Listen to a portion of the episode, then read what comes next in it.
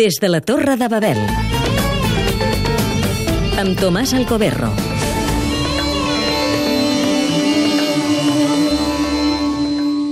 Els cristians són la sal de l'Orient Mitjà.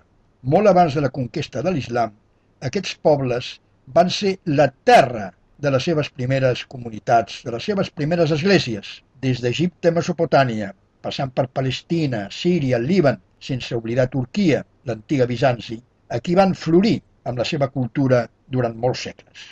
A Síria, al nord d'Àlep, abans d'aquesta guerra d'ara escandalosa, brutal, es podien visitar als seus voltants les denominades ciutats mortes, antigues poblacions de les que tan sols queden runes, runes d'esglésies i de basíliques com la de Sant Simeó a l'Estilita.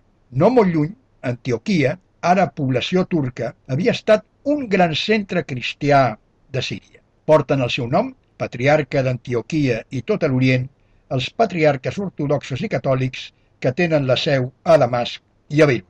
Algunes de les seves llengües, com el siriac, l'arameu, s'usen encara als seus oficis.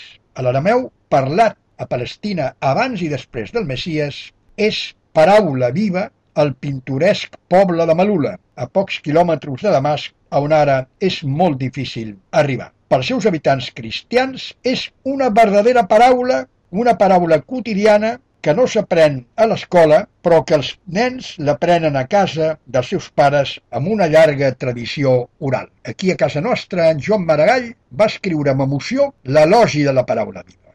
Els cristians de l'Orient Mitjà estan cada vegada més amenaçats i tenen que emigrar dels seus països i són més vulnerables, sobretot degut a l'integrisme musulmà. Són tan sols una petita gota d'aigua al mig de l'oceà de l'Islam. A Malula, L'última vegada que hi vaig anar, el rector de l'Església Greugcatòlica de Mar Sarquís oferia als visitants cassets d'oracions gravades a Marameu amb un bon vas de vi. Des de la Torre de Babel.